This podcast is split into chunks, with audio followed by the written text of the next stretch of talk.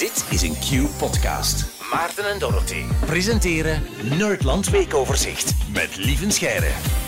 Lieve Scheire, goedemorgen. Een goedemorgen. Lieven, je bent veel gewoon, maar dit weekend was je nog eens echt eh, serieus onder de indruk, had ik het gevoel toen ik je stories op Instagram zag. Het was de Hero- Heroes Comic Con. Ja, Heroes Comic Con in, eh, in eh, Brussel en ik heb een Doctor Who mogen interviewen. Een Doctor Who? Ja, eh, Doctor Who, een, een legendarische reeks van de BBC die al van de jaren 60 eh, eh, speelt en die heropgestart is. Om de zoveel tijd wordt er een nieuwe hoofdrolspeler gekozen, een nieuwe Doctor Who. En eh, Matt Smith, een van de meest populaire dokters ooit, die, eh, die was op die Comic-Con en ik mocht die interviewen.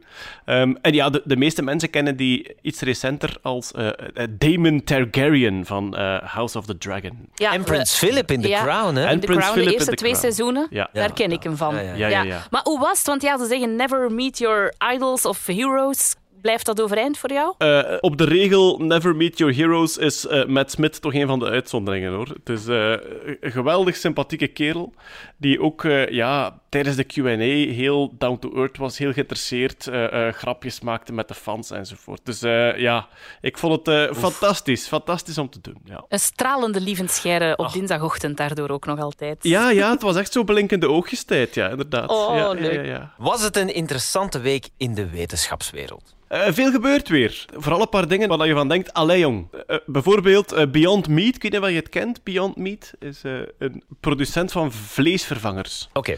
En de CEO van Beyond Meat is eh, in het nieuws eh, gekomen de voorbije week. Heeft eh, iemand in zijn neus gebeten. Hij had echt zin in een goed stukje vlees eigenlijk. Ah, wel ja. Het, was, Ja. Het, was, wat- het is lang geleden.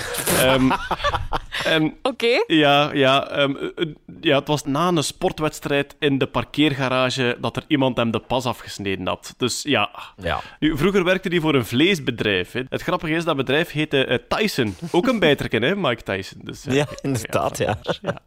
eh, ja, goed, dat is dan gepasseerd. Wat was er nog? Ja, toch iets waar ik van stond te kijken.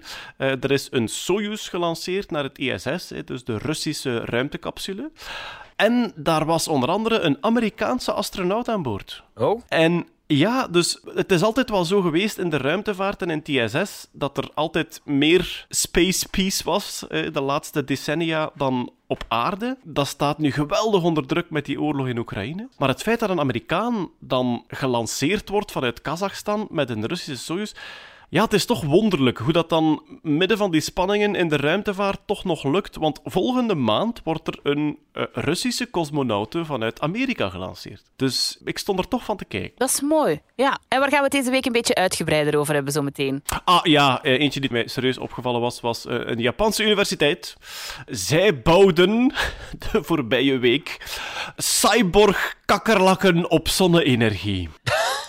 Ik weet waarover het gaat aan de koffiemachine op het werk vandaag. Duidelijk, ja. Ja, een Japanse universiteit heeft dus een paar kakkerlakken genomen en heeft die een rugzakje van elektronica gegeven, waarmee ze die kunnen besturen.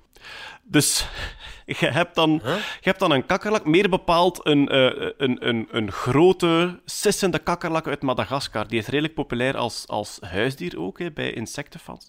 Dat is een redelijk grote kakkerlak. Je zet daar een heel klein computertje op, met draadjes die het lichaam ingaan. En daarmee kun je die kakkerlak besturen met een afstandsbediening. Hoe werkt dat precies? Een kakkerlak heeft overal rond het lichaam antennes, voelsprieten, maar ook andere eh, gevoelige uitsteeksels. En vanaf dat die een tikje krijgen, vlucht de kakkerlak naar de andere kant. Dat is een soort bescherming. Oké. Maar als je die dingetjes verbindt met een heel klein draadje met wat elektronica, dan kun je daar ook een klein elektrisch signaal aan geven dat die kakkerlak de andere kant doet uitvluchten. En dan kun je die besturen.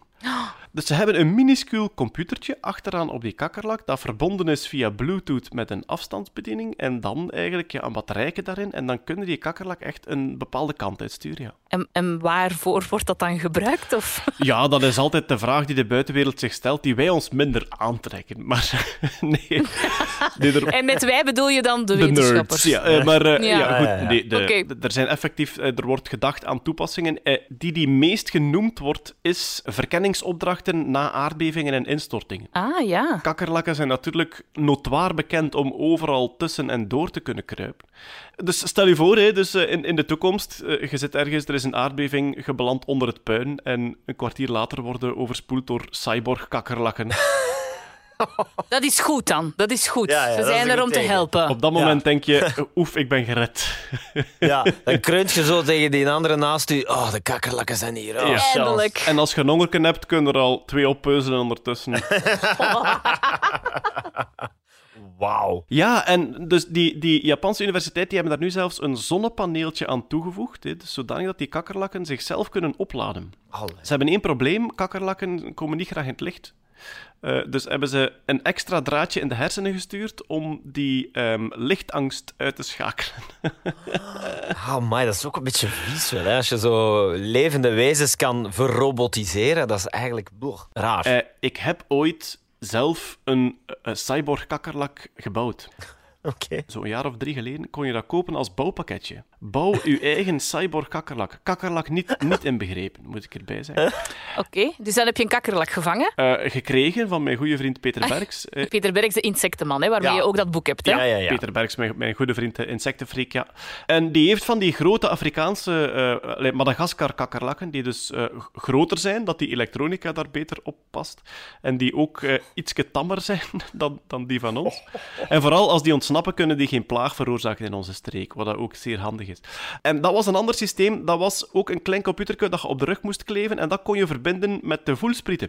Omdat die voelsprieten dus net hetzelfde doen. Hè. Als de rechter voelspriet een tikje krijgt, dan loopt de kakkerlak naar links en omgekeerd. En dus eh, Peter en ik hebben dan effectief een, een cyborg-kakkerlak gebouwd. En ja, dat werkte toen voor, ik denk, een minuut of vijf à tien. En dan dacht die kakkerlak, maar ik is, ik heb er deur in. Hè. En dan marcheerde dat niet meer. Allee. Maar ik heb ooit effectief eh, een microcomputer op een kakkerlak zijn rug geplakt. En ik heb die eventjes kunnen besturen, ja. En dat is waarom wij jou elke dinsdag hier in de show horen. Hè? Voilà. Kijk, ja, dat heb je weer eens bewezen. Kakkerlakken, altijd tof, hè. Super interessant. Opnieuw. Tot volgende week, lieven. Jo, met plezier. Dit was een podcast van Q-Music. Wil je meer? Wil je meer? Kijk op qmusic.be.